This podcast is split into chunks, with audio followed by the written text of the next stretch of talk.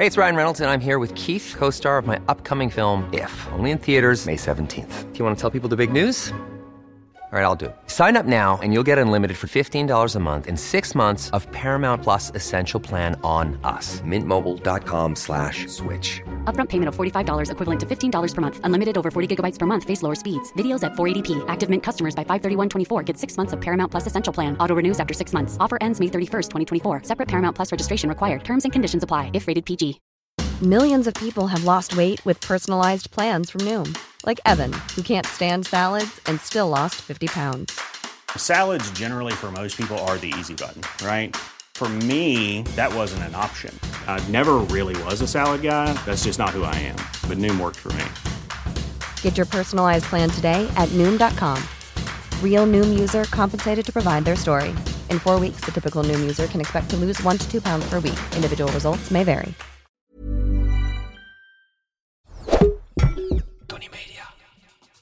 Ik denk de onachtzaamheid en toch de desinteresse, los van op seksueel gebied, jegens vrouwen. Die maakt dat zelfs nu we de kennis hebben over deze, die dingen die ik nu aandraag, dat we nog steeds niet veranderen, niet beleid aanpassen, geen actie ondernemen.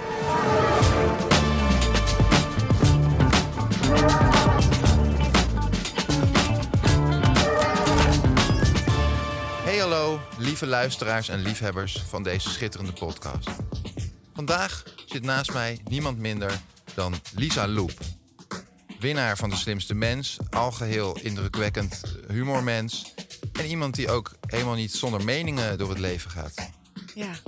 Kan je je vinden in deze... ja, wat een samenvatting. Maar wel een soort hoge lat die nu gelegd is voor de ja, indrukwekkend mens. Dat vind ik wel, eh, wel mooi. Ja, goed, fijn. Ja, maar dat kun je natuurlijk ook een beetje wat relativeren van indrukwekkend in haar prettige aanwezigheid. Het hoeft niet puur om uh, prestatie te gaan. Als dat, Oké, eh, nee, fijn dat die duim meteen even zo weer erop eh, gaat. Ja, nee, top. Zo bedoelde ik het helemaal niet. Ik wou gewoon niet je helemaal vastklemmen in allerlei... eh, nou goed. Hokjes, mallen. Oké, ik laat jou even praten. nee, nee. Neem gerust alle ruimte in die je wil. Dat sta ik graag toe. Je hebt een column geschreven. Mhm. ehm, die gaat over het ongelooflijk grote gevaar eh, van het vrouw zijn. Ja, Het is niet alleen gevaarlijk, het is zelfs levensgevaarlijk. kan het zijn, ja. Kan het zijn, inderdaad. Wat, ehm, wat heeft je gebracht tot het schrijven van deze column? Of wat, wat maakt je iemand die graag over dit onderwerp wat wil eh, vertellen? Nou, ik ben iemand die zichzelf eh, vol trots feminist noemt. Mhm. Maar ik zit best wel in de knoop met het feminisme en de benadering van de vrouwenemancipatie momenteel. Ja? Ehm, want het is eigenlijk allemaal nog veel erger dan waar we het over hebben. We vervallen in, in discussies over parttime prinsesjes en zorgtaken. En wel of niet laten staan van je okselhaar. Of dat je geen melk van koeien zou moeten drinken. omdat het vrouwelijke koeien zijn die dan achtergesteld worden. Kijk. Oké, dat laatste is een beetje een overdrijving. Maar we hebben het heel veel over best wel oppervlakkige dingen. die aan het einde van de dag ook heel belangrijk zijn. Maar waar deze column, of ja, ik heb in die zin schotschrift vrij letterlijk genomen. een aanklacht, een, een eh, pamflet misschien meer waar die over gaat, is nog een soort van veel wezenlijker iets. Waar we het ook over moeten hebben, maar waarvan ik me verbaas dat er niet heel veel verontwaardiging over is. Namelijk ja, de gevaren van het vrouw zijn. ja. Zelfs in het Nederland van nu. Is het dan ook zo dat je... Je zegt wel eens eh, eh, in andere media van... eh, ik ben ook een mens met angsten. Ja. Komen die ook voor een groot deel omdat je vrouw bent? En dat dat zo gevaarlijk is? Nou, eh, nee, dat was tot op, van, totdat ik dit schreef niet het geval. Ehm, want sterker nog, de dingen die ik ga benoemen in de column zijn dingen die ik zelf eigenlijk ook niet heel erg wist. Die gevaren die spelen rond het vrouw zijn. En dit zijn maar een paar voorbeelden, want ik had 600 woorden en ik heb er 800 van gemaakt. Maar, ehm, Ach joh. Ach joh, het is een podcast. Ja. Nee, maar ehm, eh, nee, dus mijn, mijn inherente eh, persoonlijke angsten komen doordat ik een angststoornis heb. En dat is toch een chemische disbalans voornamelijk in mijn hoofd. Desalniettemin zouden wij als vrouwen misschien banger moeten zijn en ons daar vooral bozer over moeten maken. Angst is ook een evolutionair overlevingsmechanisme. Ehm, ik begin inmiddels te snakken naar jouw column. Fijn. Dus eh, als je zover bent, zou ik hem graag eh, van je horen. Vrouw zijn kan je dood betekenen. En dat is geen hyperbol. Dat vrouwen anno 2023 nog steeds tweederangsburgers zijn, wisten we al. Of het nu gaat over de loonkloof, het gebrek aan vrouwen in de politiek en bedrijfsleven, of het blijven wegzetten van vrouwen als parttime prinsesjes, in plaats van te praten over de mannelijke luie losers die wel kinderen verwekken, maar vervolgens weigeren ervoor te zorgen. Maar de wonden die het patriarchaat geslagen heeft zijn dieper dan dit. In 2023 kan het feit dat je vrouw bent je het leven kosten. In ons ontwikkelde, progressieve en o zo gelijke Nederland sterven nog steeds vrouwen alleen maar doordat ze vrouw zijn. Elke acht dagen wordt er in ons land een vrouw vermoord door haar partner of ex-partner, enkel en alleen omdat ze vrouw is. Daar hebben we een woord voor: femicide. De dader weigert te respecteren dat de vrouw bij hem weg wil gaan of kan het niet verkroppen dat ze meer vrijheid neemt. Maar meestal worden deze moorden eufemistisch een gezinsdrama genoemd, of zelfs geromantiseerd als een crime passionnel. En wordt de moordenaar afgeschilderd als romantische antiheld die meegesleept werd door een oncontroleerbare passie. Alsof het een noodlot is waar niks aan te doen viel, zoals een aardbeving of overstroming. Maar dat is femicide absoluut niet. Een man doodt moedwillig een vrouw omdat zij weigert zich aan hem te onderwerpen. Dat is geen gezinsdrama, maar moord. En in plaats van de verzachtende draai die we er nu aan geven, zou het haatkarakter ervan juist een verzwarende factor moeten zijn. Je zou verwachten dat de talkshowtafels vol zouden zitten met zowel vrouwen als mannen om het over dit enorme onrecht te hebben. Maar het blijft ijzingwekkend stil. Zo ook in de medische wetenschap. Tot voor kort werd er klakkeloos van uitgegaan dat een vrouw eigenlijk een kleine man met borsten is en dat er dus geen specifiek onderzoek naar het vrouwenlichaam nodig is. Dit heeft soms dodelijke gevolgen. Omdat de symptomen van bijvoorbeeld een hartaanval verschillen tussen mannen en vrouwen, wordt dit bij vrouwen vaak helemaal niet herkend.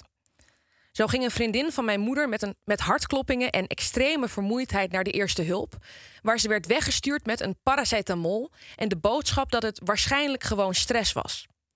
Twee uur later lag ze in coma op de IC met een dubbel hartinfarct en werd haar man verteld dat hij maar alvast afscheid van haar moest nemen. Dit is een schokkend voorbeeld, maar staat niet op zichzelf.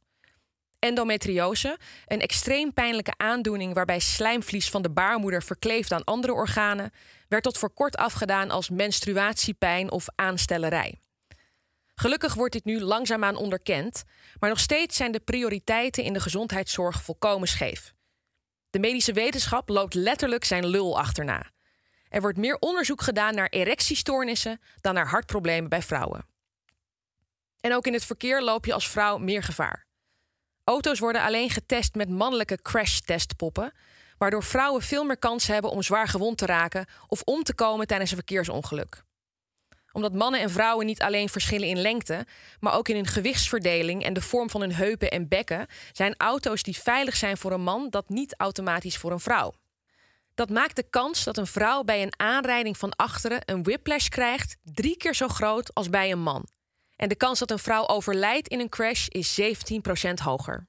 En net als bij femicide en in de medische wetenschap is dit een kwestie van onwil en desinteresse. Als wij bezig zijn om mensen op Mars te krijgen, moet het toch ook lukken om een pop met vrouwelijke verhoudingen te bouwen. Dat lukt zelfs Madame Tussaud. Trouwens, crashtest dummies zijn wel een leuke bestemming voor afgedankte Madame Tussaud-poppen. Levert ook goede televisie op. Maar nee, het gebeurt gewoonweg niet en daar gaan we allemaal stilzwijgend mee akkoord. Waarom staan de kranten niet vol verontwaardigde opiniestukken over deze zaken? Waarom gooien wij niet elke dag asbest op de snelweg en gaan we niet op de trekker naar het Malieveld totdat vrouwen voor vol worden aangezien? Waarom komen wij niet voor onszelf op en mannen niet voor hun dochters, moeders en andere vrouwen? En waarom worden zoveel mensen boos als anderen simpelweg opstaan voor gelijke rechten en behandeling? Zoals de reacties op deze podcast waarschijnlijk zullen bewijzen.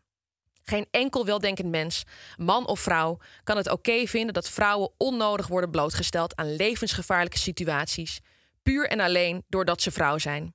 Het is tijd voor verandering. Because we're worth it. Dus jij denkt dat je eventjes uh, heel Nederland kan vertellen hoe het zit op het gebied van het ongelofelijke onrecht dat vrouwen structureel wordt aangedaan? Nou, iemand moet het doen. Iemand moet het een keer doen. Hoezo? Ja, uh, is het toch belangrijk? De helft van de bevolking, en sterker nog in Nederland, is iets meer dan de helft uh, vrouw. Ja, er wordt gewoon achtergesteld. En dit zijn vrij basisdingen, zou ik zeggen. Eh, eh, gewoon gezondheidszorg, veiligheid in het verkeer, iets waar we elke dag aan deelnemen. En femicide, iets waar je echt nooit wat over hoort. Ja, maar het gaat toch al, al, duizenden, tienduizenden jaar gaat het toch prima. We sterven niet uit of zo. Ik denk dat je wel vrouwen nodig hebt om daarvoor te blijven zorgen dat we niet uitsterven. ja, maar dat, dat weten wij mannen ook wel. Oké, maar jullie doen er verder niks aan. We willen heus wel dat er vrouwen blijven. Ja, een paar. Oké, nee, ja, goed. Nee, ik spreek niet namens alle mannen. Van mij moet je het niet hebben. Als, eh, als soort. Seks, is dat een soort? Hoe noem je dat eigenlijk? Eh, kan allebei. Gender, sekse, gender. geslacht. Als hangt er wereldwijde gendergemeenschap. Ja, wat je aanhangt een beetje in deze tijd, hangt er vanaf. eh. Elisa, ehm, het ja, grote gevaar van het vrouw zijn. Eh, op wat voor manier heeft dat tot nu toe in jouw leven een rol gespeeld? Waar jij bewust van bent. Ja, dat is een goede vraag. Ehm, ik heb één ding, maar wat ik eigenlijk geprobeerd heb in de column is best wel onbetwistbare dingen aan te dragen, omdat het heel vaak in de feministische discussie gaat over dingen waarvan je kan zeggen: ja, maar is dat nou echt omdat je een vrouw bent of het overkomt mannen ook? Ehm, wat ik zeg maar het meest gemerkt heb van mezelf is dat ik in ehm, 2017 werd ik heel erg ziek, mentaal heel erg ziek en fysiek heel erg ziek. En toen werd er eigenlijk vrij klakkeloos van uitgegaan dat ik een burn-out had. Met de woorden: ja, want je bent een jonge, ambitieuze vrouw. Dus het zal wel te veel stress zijn. Want al die jonge vrouwen zijn zo ambitieus, dat kunnen ze niet aan. En daarom krijgen ze een burn-out. Dit zijn eh, geparafraseerd de woorden van de huisarts die ik toen eh, sprak. En het bleek later dus een depressie met een angststoornis te zijn. Maar dat heeft er wel voor gezorgd dat ik eerst drie maanden eh, verkeerd behandeld ben. En steeds maar zieker en zieker werd en minder ja, kon. Maar de depressie en angststoornis, ik wil dat best geloven. Maar als je dan de- daarnaast heel ambitieus aan de slag gaat, dan drijf je dat natuurlijk ook allemaal wel zelf een beetje op de spits, eh, Lisa. Als het zo zou werken, dan was de wereld heel simpel. Want dan zou iedereen gewoon minder hard moeten werken Ja. en minder ambitie moeten hebben. En dan zou niemand ooit nog een depressie of een angststoornis hebben. Hetzelfde geldt voor eh, op vakantie gaan. Dat helpt helaas ook niet tegen een depressie en een angststoornis. Nee, Dus dat is iets, toch iets te simplistisch gedacht. ach, daar baal ik van. Ja, jammer. Hoe sta je er tegenover als ik ook kritiek op de column heb? Nee, ja, ga je gang. Want dat is het hele ding. Ik wil graag dat het beter wordt voor vrouwen. Niet alleen in Nederland, maar wereldwijd. En dat is meteen ook de kramp die ik voelde bij het maken van deze column. Wat is nou de beste manier? En ik ben van huis uit cabaretier, dus mijn middel is eigenlijk altijd humor. Nou, je hebt wel een heel apart soort humor als je hier heel hard om gelachen hebt. Dus dat was nu niet de insteek. Maar ik heb ook het gevoel van door het een beetje grappig te maken, door het iets te maken waar je lekker naar kan luisteren, of wat niet te zwaar op de, ma- op de hand is of, of op de maag, gaan we het niet, we gaan het niet Nee. winnen, we gaan het niet redden zo. Dus ik heb een er vooral dingen grappig, waarvan ik dacht, als argument kan je hier wel, in ieder geval qua techniek van het argumenteren, een beetje tegen ingaan. Maar de, de grappigheid rechtvaardigt het wel heel erg. Zoals dat mannen een lul achterna Ja. lopen. Vond, vond een klein beetje een vals dilemma. Erectiestoornissen met hartproblemen bij vrouwen vergelijken. Maar ik denk, als je dat daar, dan zegt, de wetenschap loopt zijn lul achterna, vind ik hem wel lekker. Oké, gelukkig. Dus daar ga ik graag in mee. Maar iets serieuzer. Kijk, ik vind eh, het niet zo interessant om bijvoorbeeld nu een soort discussie te voeren die ook gaat over moeten we er wel eh, wat aan doen. Mhm. Je kan daar wel een beetje over praten in eh, welke, hoe, wat, hoeveel ernst dingen hebben. Maar daar ga ik gewoon in mee. Dat vind ik eh, in bijna alle gevallen zo eigenlijk wel evident. Mhm. Maar wat ik vond minder duidelijk vond, is in sommige gevallen wat precies het probleem is. Omdat de over, het overlappende eh, is dat je allemaal zaken beschrijft waarbij vrouwen nadeel ondervinden van hoe een situatie is of van hoe, hoe, hoe er met ze om wordt gegaan. Maar bijvoorbeeld een aantal keer stel je echt wel heel sterk van dit komt alleen maar doordat ze vrouw Mhm. zijn. Waarbij ik dan denk dat dat niet zo is. Ook al is het misschien heel doorslaggevend. Of heeft het eh, super, is het wel van heel groot belang. Ik wil het niet wegwuiven. Ja. En ehm, zeg je dat dan een beetje om te chargeren? Of eh, heb je wel het gevoel dat dat toch gewoon wel zo is?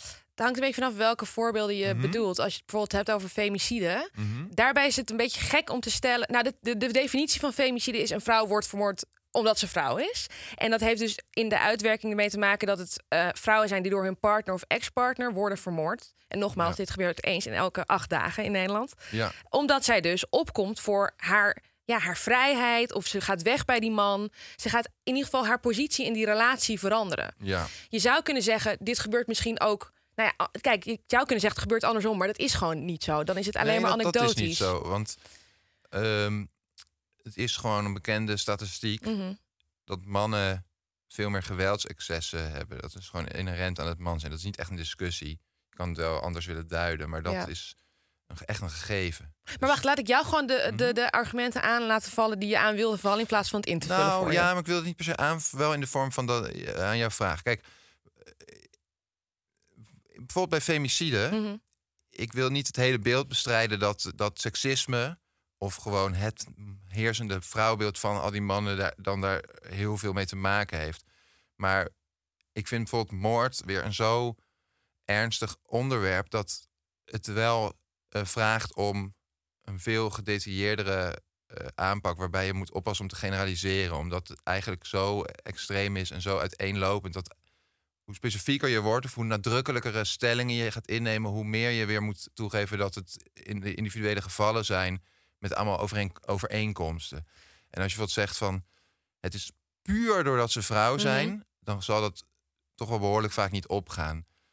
Omdat er zoveel oorzaken kunnen zijn waardoor iemand zijn vrouw vermoordt die niet gericht zijn op zijn gedachten over dat zij vrouw is, weet je wel. Denk je dat? Ja, oh, Ja. sorry, nee, dat, dat klinkt heel cynisch. Van, denk je dat? nee, maar mag cynisch zijn. eh, dat in Laat ieder geval als het gaat over femicide, wat dus eh, inderdaad eens in de acht dagen voorkomt. Ja. Want dan heb ik, noem ik dat erbij omdat het puur gaat nu om wat wij femicide noemen. Ja, ja, ja. Zijn de overeenkomsten zo groot dat we wel kunnen spreken van het is een patroon en het is een ja, epidemie, Ja. eh, om het even zo te Ja. stellen. Waarbij dit zoveel op elkaar lijkt. En het heeft dus wel te maken met het beeld dat de man op dat moment van die vrouw heeft. Van jij bent van mij, jij mag, nu vul ik het in voor die man, hè, maar dat Ja. zit er natuurlijk wel onder. Dat vrouwbeeld van die vrouw gaat meer vrijheid nemen op een bepaalde manier. En dat mag niet, want jij bent van mij en ik bepaal over jou. En ik bepaal dus in extreme mate over jouw leven. Er zijn ook vrouwen die vermoord worden in andere situaties.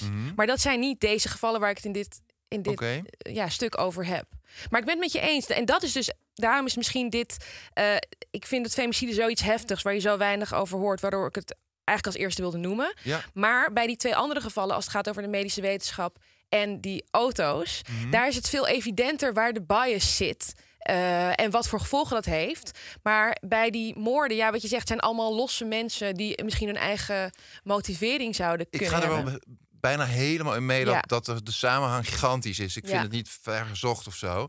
Maar ik denk wel dat het gewoon eh, op dat er zoveel uitlopers bij voorkomen. En eh, waar ik een beetje op aansla is dat je, eh, hoe jij het nu formuleert, is het op suggereert dat het op een hele bewuste manier is. En daarvoor voor denk ik dat excessen gewoon zoveel andere triggers kunnen hebben.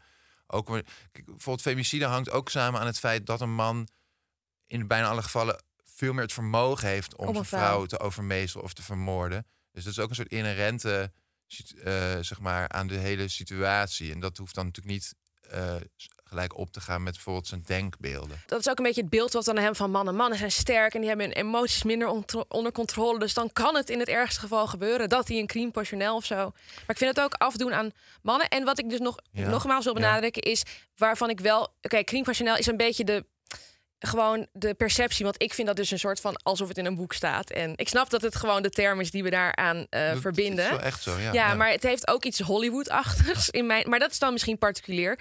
Maar ik blijf erop terugkomen dat door het eh, zo te benoemen en niet femicide te noemen, kunnen we dus niet die patronen die daaraan vooraf gaan.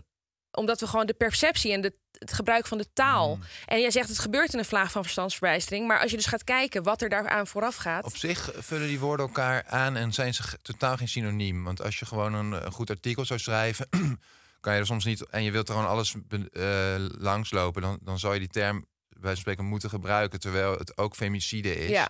Want niet elke vorm van. Niet ieder geval van femicide is een crime passionnel, Ja, bijvoorbeeld. Eh, ik denk wel dat het vaak samenvalt. Dat het. Ja, goed. We zitten een beetje te soebatten, maar wel Maar op de inhoud. interessant. Het Want zegt wel inhoudelijk iets over wat ergens gebeurd zal zijn, bijvoorbeeld. Ja, alleen ik denk wel dat femicide en gewoon dat geweld tegen vrouwen en die moordneigingen die mannen hebben naar vrouwen toe. Het is wel goed om het daar echt op die manier over te hebben. Want de crime zou ook andersom kunnen. Zou ook een vrouw kunnen zijn die een man. eh, En dat bestaat neersteekt. ook, maar dat is wel, dat is niet een beetje van, dat is niet van een gelijke orde. nee. Zeker niet. Het is niet iets wat echt bijna nooit voorkomt, maar in, eh, in een verhouding, ik weet de precieze verhouding niet, is dat niet eh, bijna de helft of zo. en dat is ook- niet eh, een kwart. Als je kijkt naar criminaliteitscijfers, dat we hebben, hoe vaak gaat het niet over bepaalde groepen in de samenleving die oververtegenwoordigd zijn. Maar we hebben het nooit over het feit dat mannen oververtegenwoordigd zijn in de Mhm. Dat zijn we ook criminaliteit. niet. Je hebt me net nog verteld dat vrouwen net iets in de meerderheid zijn. Nou, niet in de Oh, dat, criminaliteitscijfers. sorry, nee. daar ik even overheen. Ja. Maar goed, gewoon staan voor je eigen eh, seksen. Nee, ehm, maar dat, dat is iets wat. Dus het zal ongetwijfeld ook wel eens andersom voorkomen. Maar dat is in zo'n zo'n veel mindere mate. En dat is wel iets wat er heel vaak bijgehaald wordt. als je het hebt over geweld tegen vrouwen. Of eigenlijk de Ja. dingen die ik aankaart. Ook toen na The Voice, toen al die dingen naar buiten kwamen. gingen heel veel mannen, eh toetsenbordreaders, meteen. Ja, maar er zijn ook vrouwen die Mhm. dat doen. Ja, alleen dat betekent niet dat we het niet moeten hebben over. Eh, Ik vind, ik, vind, ja, dus ik vind dat je daarin hartstikke sp- sportief bent. Sommige mensen reageren daar wel echt zeg maar, nog veel activistisch op. Maar ik vind het wel echt een hele niet ter zake doende eh what about is. Ja. Weet je wel? Het is niet zo belangrijk om te noemen. Maar uiteindelijk wil ik de strijd winnen. Ja. Eh, en niet de eh ideeënstrijd. Nou ja, of in ieder geval niet de Twitter-strijd, niet de, toetsenbordstrijd. Maar ik wil dat het gewoon beter wordt voor vrouwen. En echt beter. Ik heb ook echt heel erg dat gevoel. Ik voel ook dat ik, merk ik... Soms word ik van dit onderwerp een beetje voorzichtig aftastend. Maar ik voel dat echt helemaal niet bij dit gesprek met jou. Dat vind ik wel heel leuk eigenlijk. En ik voel ook niet dat ik dat doel wat jij duidelijk voor ogen hebt... een beetje, zeg maar, daar kijk ik niet sceptisch tegenaan. Maar waar ik merk dat ik hem... Dus misschien moet dat zo een beetje afronden. Ik blijf er een beetje bij hangen dat ik vind het niet, zeg maar, helemaal kloppen. De mate waarin je heel hermetisch insluit... dat het alleen maar is, wat je een paar keer zegt... omdat iemand vrouw is. Mhm. En we hoeven dat niet per se eens te worden. Maar dat was een, een van mijn insteken. Nou, daarin vind ik het wel te veel te zwart-wit. Ja. En dat voelde ik ook een beetje aan het feit dat ik dacht van... niet al deze onderwerpen hebben helemaal dezelfde lading. Dus bijvoorbeeld eh, in sommige van die wetenschappelijke situaties... is het denk ik niet uit een soort echte bewuste afweging ontstaan... dat iemand zegt, nou, vrouwen... daar gaan we maar niet echt ons best voor doen. Ik zal niet zeggen dat dat nooit gebeurd kan zijn. En zo lees ik de column wel een beetje... dat jij dat eh, hier lijkt Oh ja. te suggereren. Nou ja, Ik denk eh, dat het vaak, als je alles dan na zou gaan lopen, hebben we geen tijd voor natuurlijk, dat je wel uit verschillende oorzaken zal zien dat dingen ontstaan zijn. En dat het soms wat, wat pragmatischer is of uit een gebrek aan aandacht. En misschien ook een keer echt uit zware minachting. mhm. Maar niet dan altijd alleen maar omdat ze vrouw zijn en die eh, verdienen geen zorg. Maar ik heb volgens mij nergens gezegd dat het uit minachting is. Want het kan ook uit totale desinteresse zijn. Weet je wat ik minachting vind? Dat we nu al deze dingen weten, maar er alsnog niks aan doen. Mhm. Dus als je kijkt naar de medische wetenschap. Je hebt gelijk. Een van de redenen dat er minder op vrouwenmedicatie getest werd, was de eventuele aanwezigheid van de ongeboren vrucht. Mhm. En die wil je niet beschadigen. Dan denk ik, je kan ook vrouwen een zwangerschapstest geven voordat ze aan Ja. een medical trial meedoen. Fair. Maar goed. Maar je kan bijvoorbeeld ook zeggen met die eh, eh, onderzoek naar hartaanvallen. Het heeft ook, als je zegt dat is alleen maar omdat ze vrouw zijn. Oké, je mag het zeggen, maar ja, wat wel heel zwaar meespeelt. En wat jouw verhaal niet volledig, eh, zeg maar, eh, on- onterecht maakt, is dat mannen super veel vaker ze krijgen. Dus dan, om dan te zeggen, alleen maar omdat, weet je, als ze vrouw zijn, willen ze niet onderzoeken, kan bijna niet kloppen. Want het is dan ook logisch. Er is ook bijvoorbeeld, mannen kunnen ook bijvoorbeeld borstkanker krijgen. Mhm. En ja, maar dat ga je bij vrouwen onderzoeken, want die krijgen dat gewoon altijd. En dan mannen krijgen even heel chargeren, een Ja, beetje altijd hartaanvallen. Dus ja, dat is ook natuurlijk een goede reden om te zeggen, we doen daar allerlei onderzoek naar. Wat niet wil zeggen dat je het niet voor vrouwen moet doen, hè? Nou, als dit zo zou zijn, Wat ook zo is, in dit Nou, specifieke geval. ja. Va- Hartaanvallen worden dus heel vaak niet herkend bij vrouwen. Dus er zijn veel meer vrouwen. Vrouwen gaan er bovendien vaker dood aan, bijvoorbeeld. Dus de gevolgen zijn erger omdat het minder goed onderzocht is. Maar eigenlijk weten we niet hoe vaak vrouwen het hebben ten opzichte van mannen. Omdat dus heel veel vrouwen gemisdiagnosticeerd worden. doordat die kennis zo gebrekkig is. Maar goed, dit is even, even heel specifiek iets over We kunnen hartaanvallen. het gebruiken als een beetje een, een metafoor, Ja. want ik probeer het een beetje meta te krijgen. Volgens mij zeg ik nergens, maar correct me if I'm wrong in slecht Nederlands, dat het bewust is, dit allemaal. Want deze dingen zijn er natuurlijk ingeslopen door allerlei redenen. Maar nu weten we het. Nu weten we wat de implicaties ervan zijn, wat de gevolgen ervan zijn. En nu lossen we het nog niet op. Dus als je kijkt naar de medische wetenschap, die, die eh, zeg maar bijvoorbeeld medicatie wordt nog steeds veel minder op vrouwen getest dan op mannen. Eh, we weten dat vrouwen andere symptomen hebben bij een hartaanval, ook bij neurologische problemen. Het wordt nog steeds veel minder onderzocht bij vrouwen. Dat het ooit zo gegroeid is door allerlei redenen. Swa, kunnen we ook niks meer aan doen. Mhm. Maar het feit dat we het nu niet oplossen, dat we niet zo'n domme crash test dummy, Mhm. wat echt niet, tuurlijk kost geld, maar eh, er zijn behoorlijk veel vrouwen weggebruiker. En niet alleen in de bijrijderstoel, waar het dan vaak op getest wordt. Dat is wel, oh, ik ga meteen weer helemaal boos, maar dat Mhm. Oh, is wel eh, verwijtbaar. Alsjeblieft, hou je niet in. hey, eh, één ding wat je net zei. ik, ik weet niet of je het nou echt expliciet zei, maar ik denk wel dat het een beetje dat je column dat was vrij sterk impliceert, omdat je gewoon op meerdere punten echt zegt van dit komt alleen omdat ze vrouw zijn. Sug- Suggereert best wel van dat daar een, een bepaalde keuze in gemaakt wordt, dat dat moedwillig is. De motivatie is het diegene is vrouw. Dat klinkt voor mij toch bewust. Maar dat zeggen. kan ook soms niet omdat ze evil zijn, maar bijvoorbeeld om het idee dat je eh, in, de, in de medische wetenschap heel vaak omdat het met een cyclus te maken heeft. Ja. Dus vrouwen kunnen ongesteld Trouwens, ik zijn. geloof wel in jouw ongelooflijk genuanceerde kijk op alles, maar dit was dan even meer van. Oh, ik sorry, denk wil je de dat ik even wat meer weer duk erin gooi? Nee, dat is zeker niet wat ik bedoel. Ik bedoel meer te zeggen dat je column, dat dat naar mijn idee best iets is wat hoe iemand een column kan lezen. Ja, en dat jij daar ik. misschien iets anders over denkt, zou ik ook sowieso wel geloofd hebben. Ik denk dat dus voor vandaar mij. dat dit gesprek eh, zo belangrijk is. Hè? Nou, dat is vervelend. Ik, ik heb dus nog steeds meer woorden genomen dan ik eigenlijk had. En eigenlijk, het is, laat dit een aanzet zijn tot nadenken voor mensen. En dan is het gechargeerd. Want natuurlijk, de zin... eh, vrouwen sterven nog steeds alleen doordat ze vrouw zijn. Dat is even een knuppel in het honder- hoenderhok. En dan moet je dat uit gaan leggen. En dan heb ik ook nog steeds daar weinig woorden voor. Maar ik hoop wel dat het even mensen Oké, hun blik cool. verruimt. Chargeren mag, ik hou Ja. ik van. Dat is geen sarcasme, al klinkt het vaak zo. Als dat mag ook. zeg. Maar dat is natuurlijk het probleem met dit onderwerp. Het is niet in 800 woorden te vatten. Nee, en dat is eh, een beetje het volgende waar ik naartoe wilde. Want eh, ik dacht van, stel, ik zeg eh, tegen jou van... eh, mijn eh, doel het komende jaar is... de- deze missie van jou ga ik me ook helemaal op storten. Mhm. Dan heb ik toch het idee dat ik nog eh, wat voorbereiding nodig heb. En ook merkte ik wel dat ik toch het idee had van... de gemeenschappelijke deler is het gevaar... en je onderwerp, het gevaar wat vrouwen lijden... doordat ze vrouw Mhm. zijn. Maar alle voorbeelden die je noemt zijn, voelen toch niet heel equivalent aan. Dus ik dacht van, stel nou, ik ga morgen, mag ik aanschuiven bij op 1. Ja. En dan zeggen ze van, eh, Willem Teur, hij is man. Maar hij komt dus even vertellen dat we meestal. vrouwen moeten redden. En zo gaat het meestal. Maar goed, de, hè, het doel sta, eh, staat even Ja. voorop. Dan zou ik toch denken, hoe vind jij dan dat ik het probleem bijvoorbeeld moet omschrijven? En als we daar heel even naar kijken, kunnen we daarna misschien even doorkijken van een beter omschreven probleem nodigt wat beter uit tot zeggen dit zijn de goede vragen Ja. en dat is eh, iets waar aan gewerkt moet worden. Dat zou een oplossing zijn. Ja. En nu, als we naar één subonderwerp kijken, zou ik me dat wel lukken. Maar als ik je hele column neem, nog niet. En nu moet ik het oplossen terwijl ik het net verkeerd had opgeschreven. Eh, ver- nou, dat zou ik zo wil ik niet zeggen. Je hebt het op een manier opgeschreven die nog tot vragen oproept. ja. Maar ehm, Nee, mijn doel ik met vraag je om hulp Ja. en je bent niks verplicht. Oké. Nee, mijn doel met de column was vooral de verontwaardiging aanvuren. Mhm. En misschien kan het half een antwoord op je vraag zijn. Want ik denk het feit dat heel veel mensen dit niet eens weten... en denken dat feminisme nu gaat over eh, je oksels wel of niet scheren, nogmaals. Dat maakt dat we er gewoon echt geen goede Of de oplossing borsten over... van Stella Bergsma. Daar gaat feminisme ook over. Ja, precies. En Twitter. of eh, je borsten vergroten het toppunt van feminisme is... of een totale onderwerping aan het patriarchaat en dat soort dingen. Nou ja, oké. Ehm, dit is zoiets... Ook nee, maar dit is geen Maar je antwoord zegt op een gegeven moment, nee, geef niet, maar je zegt op een gegeven moment van, joh, waarom is die verontwaardiging er niet? Ja. En misschien kan die beter, of is het soms eh, duidelijk dat er iets eh, niet goed in de, eh, in de. Maar op heel veel niveaus is hier wel. Ik lees hier wel veel over. Ja? Er zitten hier wel mensen over bij talkshowtafels.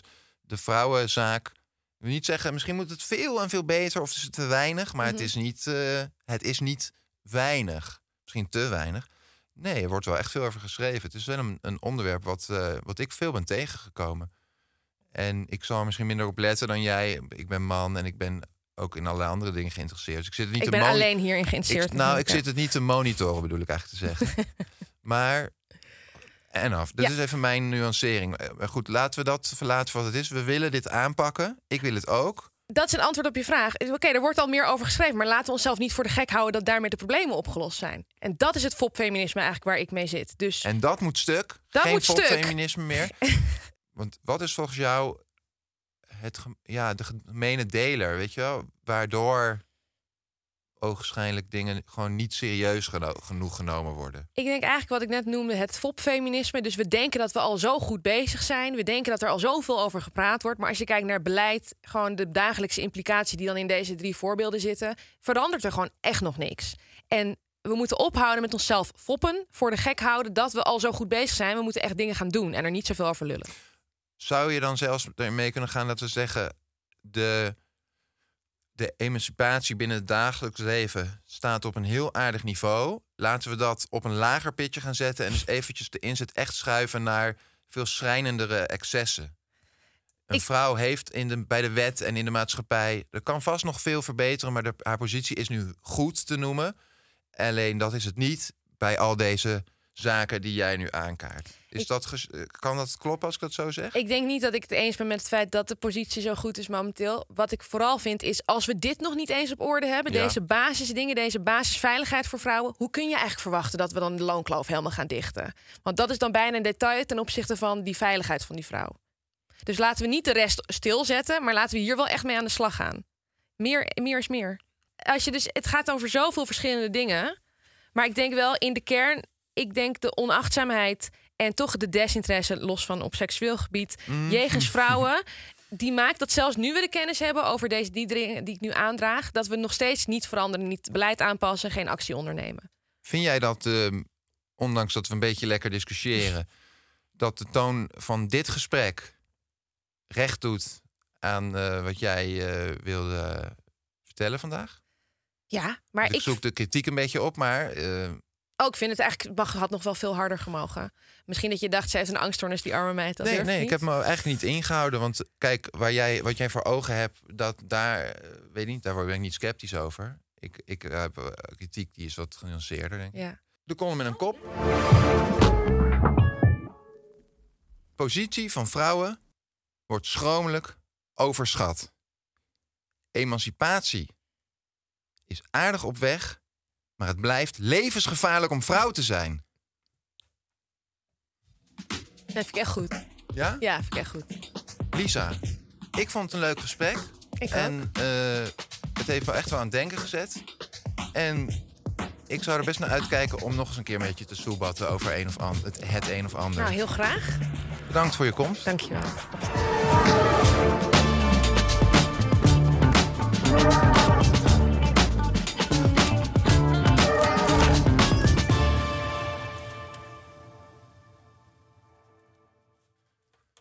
Is toch leuk hoe ik dat afsluit? Heel leuk.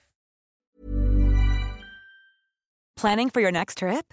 Elevate your travel style with Quince. Quince has all the jet setting essentials you'll want for your next getaway, like European linen, premium luggage options, buttery soft Italian leather bags, and so much more. And is all priced at 50 to 80% less than similar brands.